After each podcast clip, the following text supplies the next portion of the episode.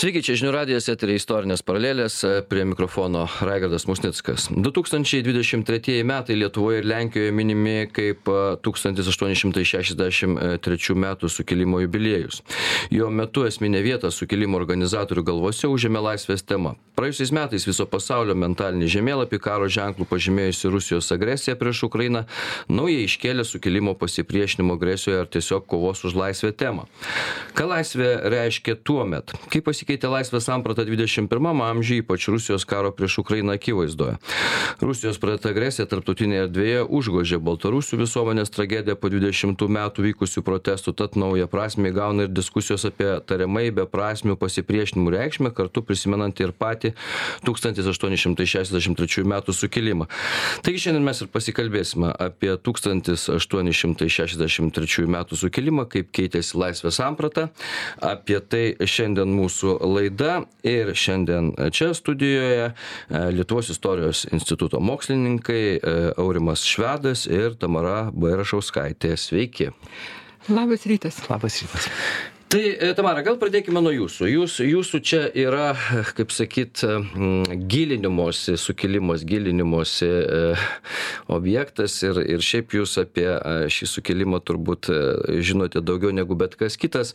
Bet kokiu atveju pradėkime nuo to, na, paprastai nuo, nuo pačios istorijos. Už, už ką 1863 metais kovojo su sukilėliai.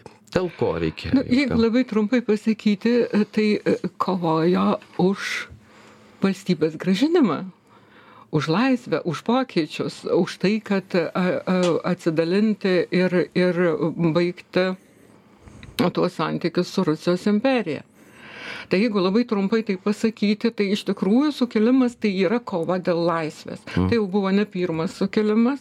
E, mes turime prisiminti e, tado kosciuškos sukilimą kuris dar prieš prieš e, paskutinį trečiąjį padalijimą yra įvykęs. Ir jo intencijos irgi buvo labai panašios. Mes turime sukilimus tūkstantis aštuoni šimtai trisdešimtų trisdešim pirmų metų sukilimus. Visi sukilimai vyksta iš tikrųjų abiejų tautų respublikos teritorijose ir sukilimus kelia būtent jos na piliečiai. Jie žmonės kurie kurie žinojo ką jie daro ir už ką jie kovoja. Ir aišku tai yra valstybės klausimas. Žmonių laisvės tai yra kitas klausimas nes nes visuomenė buvo vienaip ar kitaip labai stratifikuota labai pasidalijusi jinai dar buvo luominė. Bet tai yra tų tokios nu politinės tautos dar yra sapnas apie buvusią valstybę apie buvusią laisvę kurį norėjo įgyvendinti. Šiaip, va, diskusijos vyksta dėl to, kad nevienodai matė sukilėliai Rusiją tuo metu ir sukilimo vadai kartais aš girdžiu tokių diskusijų, kad vieniems atrodė, vat, gal žvelgiant kaip ir į, į, į sausio na, kovo 11-osios, sakykime, nepriklausomybės skelbimą, tai ir čia panašiai, kai kam galvoja, atrodė, kad gal autonomija Rusijos teritorijoje yra gerai, gal kitiems atrodė, kad apskritai kažkoks tai visiškas atsiskirimas. Antras dalykas, Lenkai ir Lietuviai turbūt ne, ne vienodai žiūrėjo į, į... Kaip jums atrodo? Man tai labai ai, aiškiai atrodo, bent jau šiai dienai, aš įsivaizduoju, kad šito sukėlimo reikia kalbėti, kalbant apie sukėlimą, nereikia pamiršti, kas vyko tuo metu imperijoje, kas vyko Rusijoje. Rusija to pralaimi uh, Krymo karą, taip, visi tą žinome, tai yra 1856 metai. 55 metais miršta imperatorius Nikolajus I, kuris buvo labai stipriai užgniaužęs iš esmės visą visuomenę imperiją. Na, apie jo laikus nekalbėsime, bet atėjęs jo įpėdinis, Aleksandras II, jisai pradeda galvoti apie reformas ir apie reformas labai rimtai ir apie reformas, apie daug reformų. Pati pagrindinė reforma be jokios abejonės buvo tai baudžiavos panaikinimas. Jau laisvės klausimas iškyla, nors labai įdomus momentas. Hmm. Aleksandras II netgi buvo na, raštu ar žodžiu pasakęs, o biurokratai tą išplatino jau raštu, rengiant šitą reformą, nerašyti žodžio laisvę. Netgi retorika buvo šiek tiek reglamentuota. E, tos visos komisijos. Panašu, kaip dabar irgi tai, Rusijoje irgi daug žodžių uždrausta yra. Mes darysime reformas, viskas mes norim modernėti, būtinai jos įvyks, mes jas rengiame, reformos rimtos ir, ir, ir, ir kaip sakiau, baudžiavos panaikinimas, teismų reforma, viskas vienu metu vyksta. Atitinkamai finansų reforma, švietimo reforma. Ir atrodo, kad va, štai imperija pradeda modernėti. Reforma, taip pat. Ir, ir kariuomenės reforma, kurioje beje labai didelį vaidmenį vadino sukilimo vadas Zigmantas Sergauskas, tai mes tą puikiai žinome. Jisai ne visai kariuomenės, jisai kalbėjo apie baudžiamąją karinės teisės, jisai buvo specialistas ir jisai irgi laisvė panaikinti bausmes kariuomenėje. Jo buvo toksai tikslas parengti tokią reformą. Tai va šitoje vietoje atrodytų, kad, na, imperija nori modernėti, nori keisti be žodžio laisvę. Tai va šitoje vietoje, aišku, atsiranda matančių kaip galima būtų savus interesus įgyvendinti. Tai yra ta vadinamoji politinė klasė, jeigu aš galbūt nenusižengsiu, jeigu taip pasakysiu.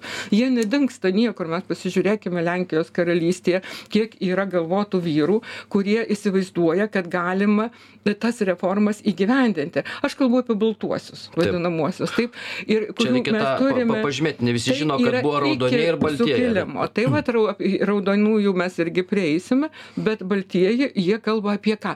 Galbūt mes pakeistume savo situaciją eidami reformų keliu tai vadinamasis organinis darbas be kraujo praliejimo be ginklo paėmimo į rankas raudonieji galvoja trupučiuką kitaip ir jie įsivaizduoja kad vis dėlto sukilimas galėtų būti ginkluotas šitoje vietoj ir atsiranda nesutarimų. Tarp sukil sukilimas juk nebuvo e, e, rengiamas treč šešiasdešim trečiais metais.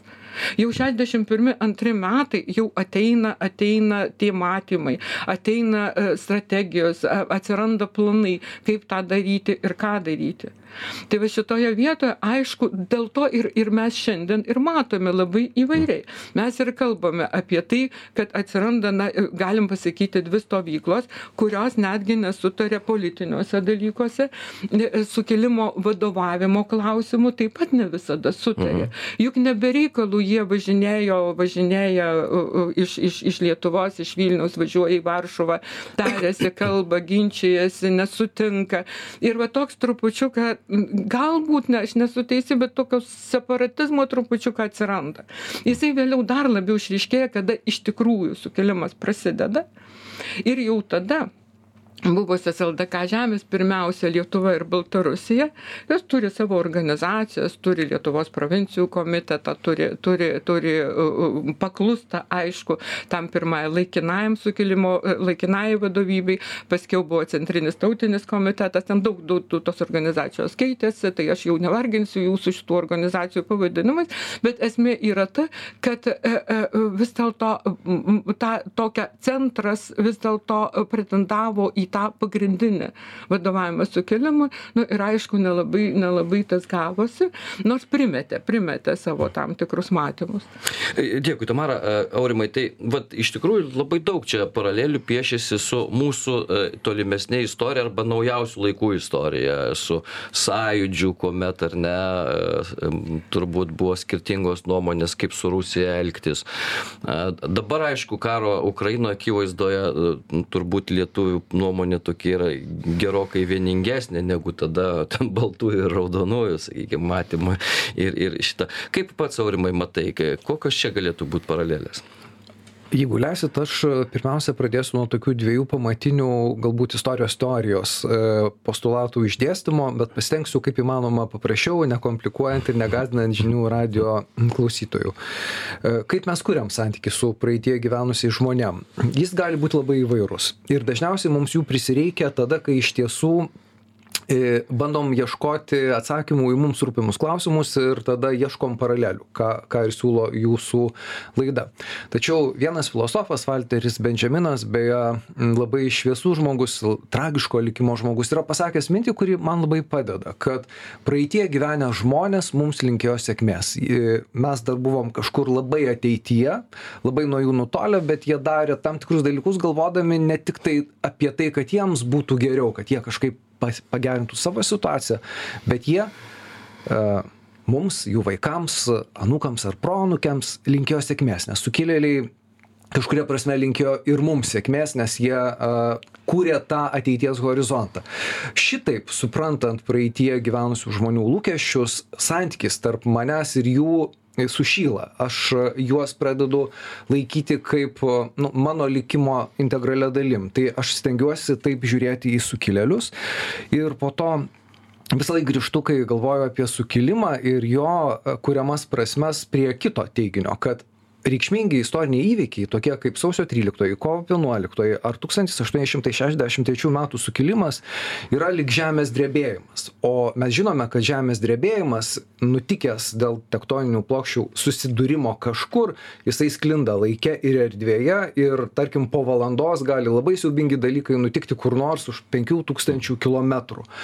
Tai tūkstantis aštuoni šimtai šešiasdešim trečių metų sukilimas yra kaip žemės drebėjimas kurio banga sklinda iki šiol. Ir kadangi mes gyvendami dabartyje kaip jūs teisingai pasakėt susiduriam su vis naujais ir naujais saugumo tapatybių ir kitokiais iššūkiais tai mes tą sukilimo sukeltą bangą atsklindančią iki mūsų jaučiam. Ir kai traugutas paklaustas žm žmonos čia venclova užbaigia savo lietuvos istoriją istorijos siužetą e, apie 1863 metų sukilimą tokiu pasažu, kad šeš, 1864 metais, rūpiučio 5 dieną, kai Varšuvoje e, ruošiama pakart vieną iš padų sukilimo Romualdą Traugutą, tai žmona jo klausia, tai ar buvo prasmė vis, visą tai daryti, ką tu darai. Ir sako, prasmės nėra, yra būtinybė. Tai, tai čia yra kaip, kaip pasiūlymas man tada galvoti apie prasme. Ką jie išgyveno, kodėl jie tai darė, kokia buvo prasmė, galbūt nereikėjo to daryti. Ir aš tada jeigu jau atsakyti į jūsų klausimą taip labai tiesiogiai paminėsiu porą pavyzdžių galbūt galėsim grįžti prie prie m, akademinių prie atminties e, istorijos plotmių bet imkim politinį lygmenį štai e, tūkstan du tūkstančiai dvidešimtais metais rugpjūčio mėnesį įvyksta pirmoji kasmetinė konstantino kalinausko konferencija ir sukuriamas kalinausko forumas. Tai net politiniam lygmenyje imama ieškoti atsakymo į klausimą kokia yra sukilimo prasmė. O po to m, gimsta dar kitos seime iniciatyvos ir šiais metais lietuvos istorijos institutas su seimu irgi darė vieną gražią tokią priemonę konferenciją laisvės sampratų kaita. Tai vat politiniam lygmeny tai suvokiama. Kitas lygmuo karinis lygmuo a baltarusiai kuria konstantino kalinausko pulką kuris kaunasi tose baisiose kruvinose kovose ir dabar bachmute stovi ir ir jie kitur pačiose baisiausiose situacijose buvo metami gelbėti a tam tikrų fronto ruožų. Ir ką kalba šito a pulko kariai tai čia jau net istorijos teoretikų nereikia reikia pa paklausyti ką kalba paprasti baltarusiai kurie kasdien žvelgia mirčiai į akis ir ir vadimas kabančiukas čia lietuvos žurnalistams yra davęs vasarą interviu ir sako mes baltarusiai ir ukrainiečiai kovojam prieš vieną priešą. Ir mes nu kasdien mąstom apie laisvės idėją ir spręsim šitą problemą čia rytų ukrainoje tada mes spręsim tą pačią mūsų santykio su totalitariniu režimu problemą baltarusijoj tai štai kaip tos prasmės paradoksaliai atgimsta pačiose įvairiausiose sferose kurių jau nebevaldo istorikai. Politikams rūpi žmonėms kurie su ginklu uh, žvelgia mirčiai į akis irgi rūpi. Ką ką traugutas turėjo omeny? Pasakė žmonai. Jie gal ir nežino šito jo pasakymo bet nu pamatinė problema tai ta pati. Dėkui. Padarom trumpą pertrauką po pertraukos pratęsim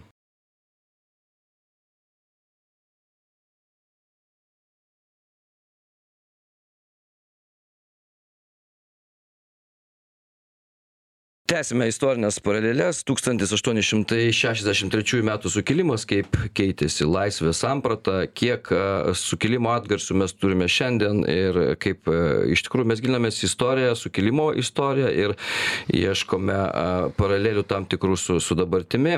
Ir apie tai šnekamės su mūsų studijos svečiais. Šiandien pas mus čia studijoje lietuvos istorijos instituto mokslininkai aurimas švedas ir tamara bairašauskaitė tamara iš tikrųjų ten daug labai po polių tame sukilime yra. Raudonieji baltieji. Vieni matė sakykim vienaip galimybę susitarti su rusija. Kitiems atrodė kad reikia ginklu priešintis. Vieni matė lietuvą labai laisvą. Na ten ne tik lietuva aišku lenkijos klausimas buvo. Tada santykiai lenkijos su lietuviais. Toksai dar vienas polius yra sakykim apskritai jei jeigu visa tai integruojant į į tokį paprastą klausimą tai vis dėlto kodėl kodėl pralaimėjo sukilimas? Nu tai iš tikrųjų labai paprastas atrodytų klausimas ir kodėl pralaimėjo tai vėlgi mes galime kalbėti ne apie vieną dalyką. Yra daugybė veiksnių e, kurie tą pralaimėjimą ir nulemia. Jeigu jeigu mes žiūrime iš sukilėlių pusės jiems reikėjo organizuoti dar iš tikrųjų iš anksto nepasirengus. Reikėjo organizuoti visą vadinamąją e, logistika labai madingas šiandien žodis bet jisai labai reikalinga. Reikėjo reikėjo e, į jų įtraukti į sukilimą ne tiktai centrus bet taip pat ir periferijas. Reikėjo suformuoti struktūras. Mm. reikėjo reikėjo rasti atsakingų žmonių. Reikėjo juk juk kai buvo buvo vilnius sakykime taip buvo minskas buvo gardinas bet taip pat yra tai yra gubernijų centrai bet yra periferija yra yra mm, apskritys apskrityse pirmiausia mes atsi atsiminkime kad pagrindinį vaidmenį vaidina bajorija. Tai yra dvarininkija. Dvaras kas yra? Dvaras yra materialinis vienetas šiuo metu sukilimo. Ir dabar reikia įtraukti dvaro savininkus į tą veiklą. Juos reikia įveiklinti. Reikia e, dar e, sukilimui e, maisto drabužių pinigų juk yra paskelbta rinkliava tautinė rinkliava ir yra e, sukilimo e, e, valdžia. Ji apmokestina gyventojus tiek dvaru dvarininkus tiek miestiečius. Nu valstiečių be jokios abejonės ne nes nes ten tai yra atskiras klausimas ir darbas su valstiečiais taip pat turi vykti. Dvarininkas dar tik porą metų praėjo po reformos ir tie porą metų šešiasdešim pirmi šešiasdešim antri metai buvo labai sunkūs tiek dvarui tiek valstiečiams valstiečiai nerimavo.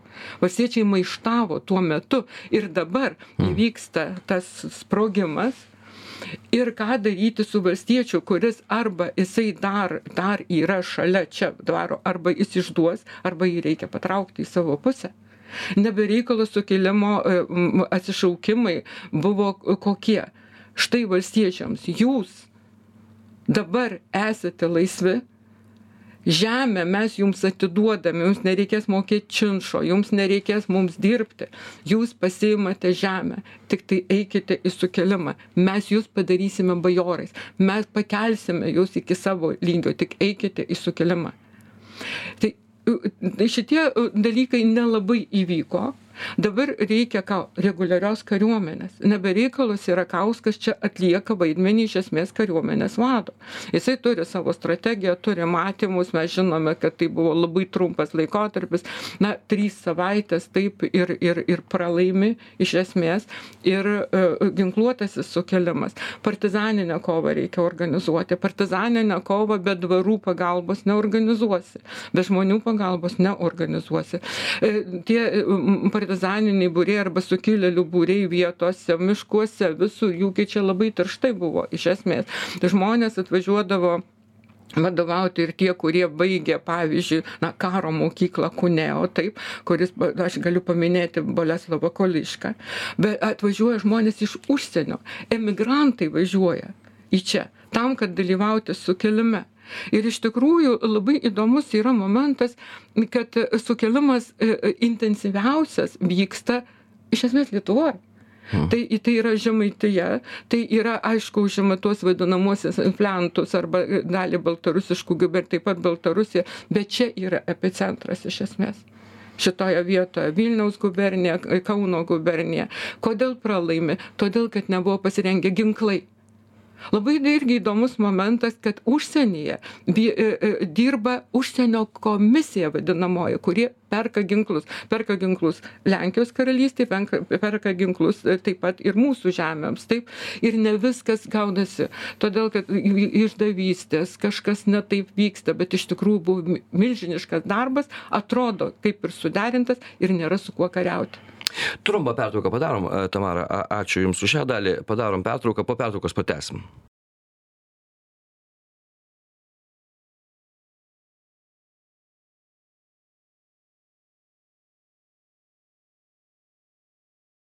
patesim. 1863 metų sukilimas, apie jį mes šiandien šnekamės, tikrai tai svarbu, nes 2023 metai sukilimo jubiliejus yra, ir, o šis sukilimas yra vienas turbūt reikšmingiausių mūsų kovose laisvės ir, ir būtinai žinotinas.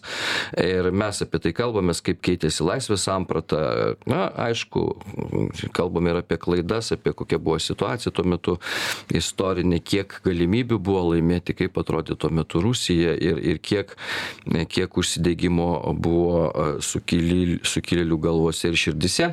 Ir apie tai e, Lietuvos istorijos instituto mokslininkai šiandien pas mus laidoje Aurimas Švedas ir Tamara Bairašauskaitė aurimai tai dar grįžtant prie paralelių apie tai ką mes čia diskutuojame kokios dar galėtų e, paties akimis būti paralelės žvelgiant į į to meto laikmetį į į apskritai sukilimo organizavimą į e, tautas kurios e, ten dalyvavo ir ir sakykim į dabartį raigardai dabar jau pasistengsiu sąžiningai atsakyti į tą klausimą nes prieš tai kai manęs klausėt apie paraleles tai aš nu nuvinguriavau kažkur toli toli į tolius.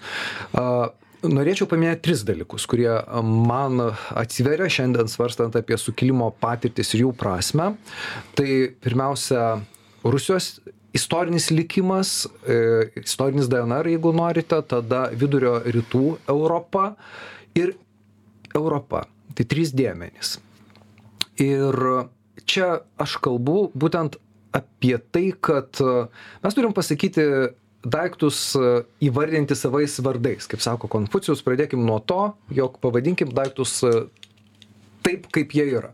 Rusijos istorinis dnr yra imperinis dnr jinai egzistuoja kaip vandenynas kuris kartais atslūgsta bangos ir tada tame smėlio ruože kuriame atslūgo bangos mes statom netvarius namelius po to po to vandenynas kyla ir jisai stengiasi mūsų statinius nunešti velniop. Jeigu žodį velniop galima sakyti žinių radijo eteryje bet kalbant apie baisius istorinius potyrius tai iš tiesų žvelgdamas į trisdešim kel kel kelis metus vykusius procesus e, rusijos federacijoje aš laukiau kada kada jie pagaliau pasakys kas jutosi nuo devyniasdešim pirmų kai jie e, kai jie anot jurijaus afanasjevo pasirinko vėl grįžti į tą imperinį kelią. Kada jie pasakys kad kad mes grįžtam mes mes tuoj užliesim savo e, dar viena banga vidurio rytų Europą. Tai e, sukilimas tarytum mums, mus įspėja, kad mes vis laik turėsim reikalą su imperija arba su im, imperijoje gyvenusiais ir tą imperinio e, žmogaus patirtį tu, tu, turinčiais e, Rusijos federacijos piliečiais. Ir mes turim kurti santykės išvelgdami į tai. Antras dalykas. Mm, Europa europoje kaip profesorė tamara bairašauskaitė išraiškingai papasakojo veikia e, žmonės kurie dirbo sukilimo labui kurie ieškojo ginklų juos pirko bet europa šiaip stebėjo tai kas vyksta šitoj imperijos šitam imperijos pakraštyje ir ir nebuvo taip taip vadinamų a to meto šalių gynybos ministrų mm. susitikimų kažkur vokietijoje kad jie spręstų ką mums pasiųsti sukilėliams ir kaip padėti tai e, rusija europa nesikišo tai dar viena pamoka ir dar viena paralelė kaip vis tiktai e, tam tik ti tikros istorinės tendencijos jos e, priverčia gal permąstyti savo santykį nes tai ką daro dabar europa e, nu yra kokybiškai kitokia politika ir šiaip liet lietuvos viešoje erdvėje yra daug ir su pasimėgavimu kalbama baisių dalykų apie Vokietijos užsienio politika, bet Vokietija yra antroji pagal ginklų tiekimo apimtis šalis e, pasaulyje. Ir, ir ką tai reiškia? Tai reiškia kažkokį fundamentalų lūžį.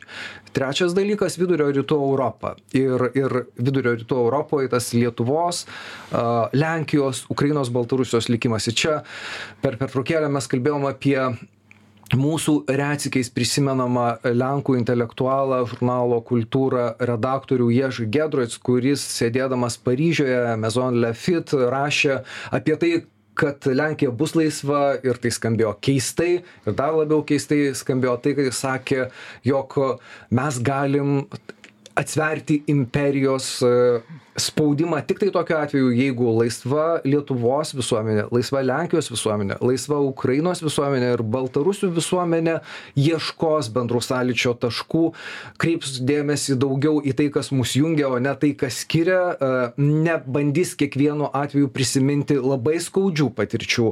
Mes vieni kitiems esam siaubingai negražių dalykų pridirbę ir vardan tos ateities e, linkėdami savo vaikams ir anūkams kažko gero kaip mums linkėjo e, mm, sukilimo dalyviai kažkada mes turėtume prisiminti tą ježo giedroic mintį kad gal pagaliau išmokime jungiami bendros istorinės patirties ir supratimo kad istorinis likimas tai mus jungia ir ir jungia tragiškas istorinis likimas.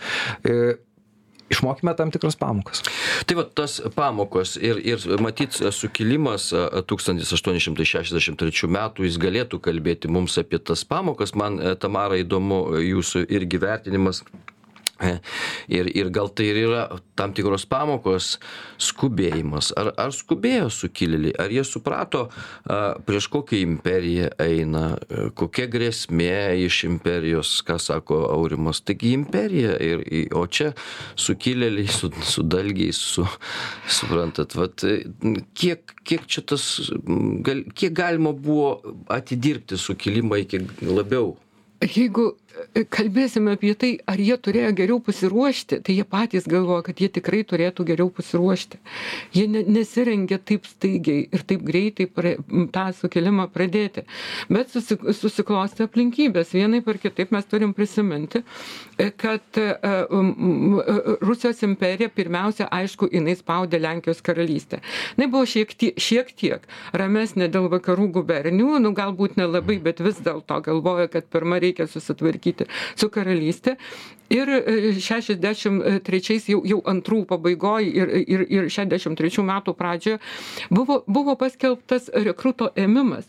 Tuo metu karalystėje buvo dislokuota labai daug Rusijos kariuomenės šim, apie šimtą tūkstančių, reiškia, kariuomenės, tų, tų, tų, tų karių visų struktūrų. O rekrutai yra 25 ir, metai, taip, ar kiek ten? O būtų? rekrutas buvo, taip, dar nebuvo įvesta visuotinė karo prievalė, jinai ateis tik tai 1874 metais ir vadinasi, jiems daug žmonių.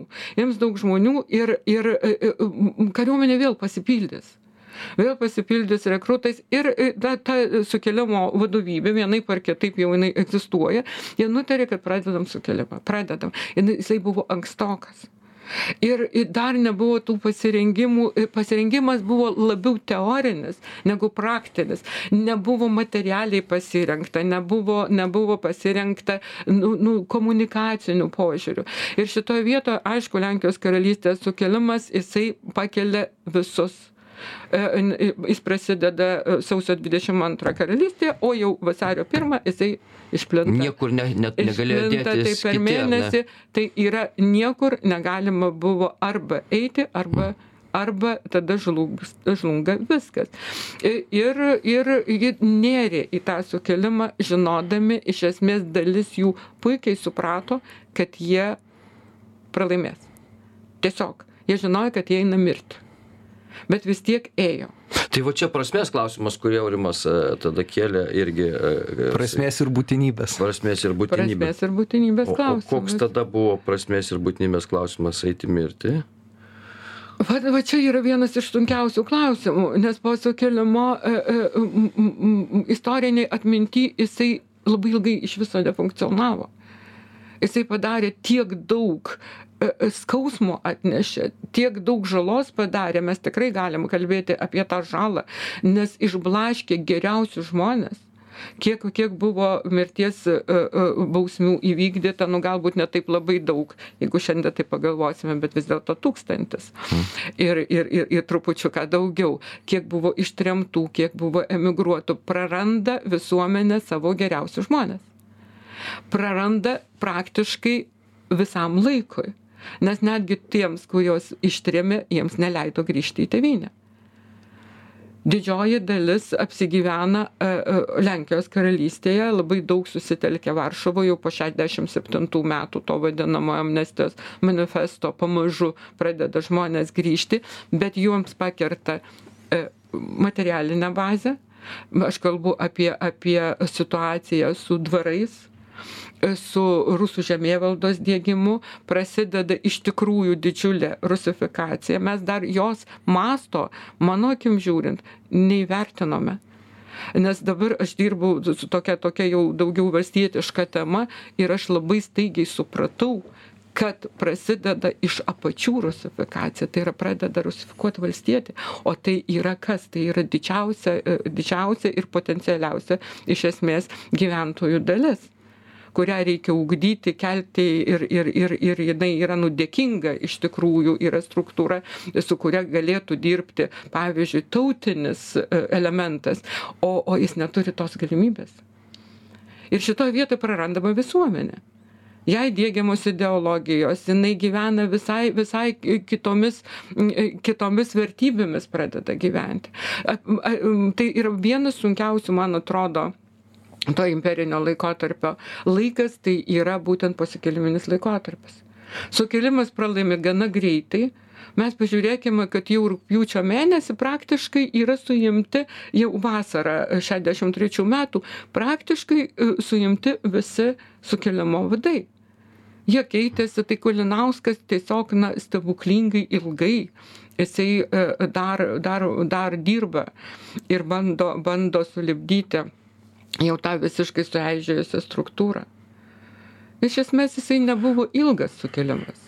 O gerai, e, vis tiek, e, kadangi jau mūsų laida vadinasi istorinės paralelės, Tamara, tai kaip jūs, e, Aurimas, jisai išvedė tam tikrų istorinių paralelių į, į labai šias dienas, o jeigu žiūrėtume, vat sakote, po, po sukiliminis laikotarpis ir tolimesnis, e, nu, kaip bežiūrėtume, Lenkija, Lietuva, laisvos šalis ir taip toliau, kaip, kaip mes, tas sukilimas jisai paskui istorijos puslapiuose ataidi kažkaip ir, ir kokios išvados iš jo. Aš tai sakyčiau, kad pirmiausia, mes turim kalbėti kalbėti apie tai, kad sukilimas buvo bendras. Pirmiausia. Mhm. Gedroicis kalbėjo apie tai, kad reikia vėl susivienyti. Ir kad tik tai susivienyti, dar kartą susivienyti ir pasiekti savo tikslo. Iš esmės istorijos laikotarpis, tas ilgas laikas, nu, jis iš nu, 200 metų, 300, tai nėra labai ilgas istorinis laikotarpis.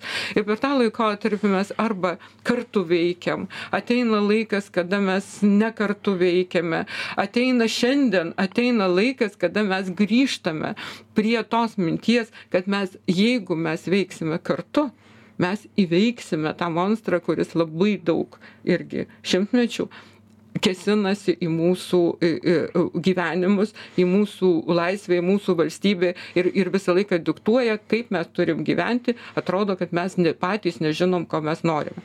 Tai va šitoje vietoje man paralelė tai yra visiška tokia sukilimas, yra įsvienyje. Nesvarbu, kad tarp vadų buvo nesutarimų, galbūt jie vieni matė, kad reikia daryti taip, o ne kitaip. Esminių nesutarimų nebuvo. Buvo, buvo taktiniai, buvo kaip daryti, ką, ką, kaip organizuoti organizuoti iš esmės, bet ideologinių ir, ir, ir, ir, ir pagrindinių tikslas buvo visų vienas - atkurti valstybę, gražinti valstybę. Tai aurimai, dar pabaigai jau dabar šia, į šias dienas žiūrint, vienybės daugiau yra jūsų akimis žiūrint šito karo akivaizdoje. Nors e, Lenkų lideri, liderystės, jeigu žiūrėtume į šiam trečių metų sukilimą, ne Lenkai pirmieji, kaip visą laiką pradeda, ir paskui jau mes įsijungiam, tai šiuo atveju e, netgi, sakykime, šio karo akivaizdoje čia mes esame lygiaverčiai partneriai, turbūt? Aš manau, kad vienybės yra daugiau vidurio rytų Europoje, jos daugiau daugiau yra Europoje, jos yra, nu, su Šiaurės Amerika irgi labai, labai daug bendrų taškų, man atrodo, mes suradom, spręsdami šitą egzistenciją likti, bet dar vieną dalyką noriu pasakyti. Man atrodo, sukilėliai perdoda mums laiku žinutę, laišką iš savosios epochos, kad mūsų likimas nėra a priori baisus ir nulemtas tos Rusijos imperinės egzistavimo logikos, kad įmanoma gyventi ir laisvai. Ir aš su siaubu klausydavau taip vadinamų gerųjų rusų liberalų, kurie išsibarstė po Europą postringavimų įvairiuose jų dabar sukurtuose informacijos klaidos kanaluose, kai jie kalbėdavo apie ukrainiečius, keldami tokį klausimą, nu tai ar jie negali šiek tiek pasiduoti, juk žmogaus gyvybė yra vertesnė už bet ką, nu jie pakentės 50 metų, bet pažiūrėkite į Baltijos šalis, po to vis tiek kaip nors paspruks nuo, nuo to monstro, jis su, su, surūdys. Ir man atrodo, kad išgirdus tokius postringavimus, kad, nu, gal jūs galite truputį pakentėti, nu, ir mes žūstame, ir jūs žūstate, nu, kas čia darosi. Tai, man atrodo, sukilėliai labai aiškiai pasako, kad yra būtinybė pačiam savo pasakyti, kad įmanomas kitoks gyvenimas. Ir nėra kito pasirinkimo, kita, kita vertus. Jeigu nori istorija demonstruoja, nėra kito pasirinkimo. pasirinkimo nėra kito, yra žemė yra tavo žemė, yra tavo mąstymas, yra tavo siela, kuri, nu, kitaip negali gyventi. Tai yra vienintelis tau duotas gyvenimas ir, ir, ir gerojo liberalo, kuris pabėgęs iš Rusijos federacijos pasiūlymas, kad jūs gal pakentėkit 70 metų, čia tokie baisus dalykai, darosi, McDonald's pasitraukė iš Maskvos, tai kaip ten gyvens žmonės. Ar jūs suprantat, kad jie be Netflixo dabar mm. yra priversti žiūrėti siaubingų kopijų pavoktus serialus, nu jisai netenka prasmės, kai, kai tai yra vieninteliai mums duoti gyvenimai. Tai Tai tiek. Ir gyvenimai, kuriems, kurie vis dėlto, e, žiūrint į 1863 metus, e, jeigu ir buvo trumpi, bet vis tiek buvo prasmingi e, ir mūsų kartai ypatingai. Tai tiek šiandien istorinėse paralelėse Aurimas Švedas, Tamara Bairašauskaitė, Lietuvos istorijos instituto mokslininkai šiandien padėjo mums geriau suprasti gelmes dabarties ir, ir praeities. Ačiū Jums labai už tai, kad atvykote, dėkui tiems, kas klausė klausėsi tai buvo istorinės paralelės iki kitų kartų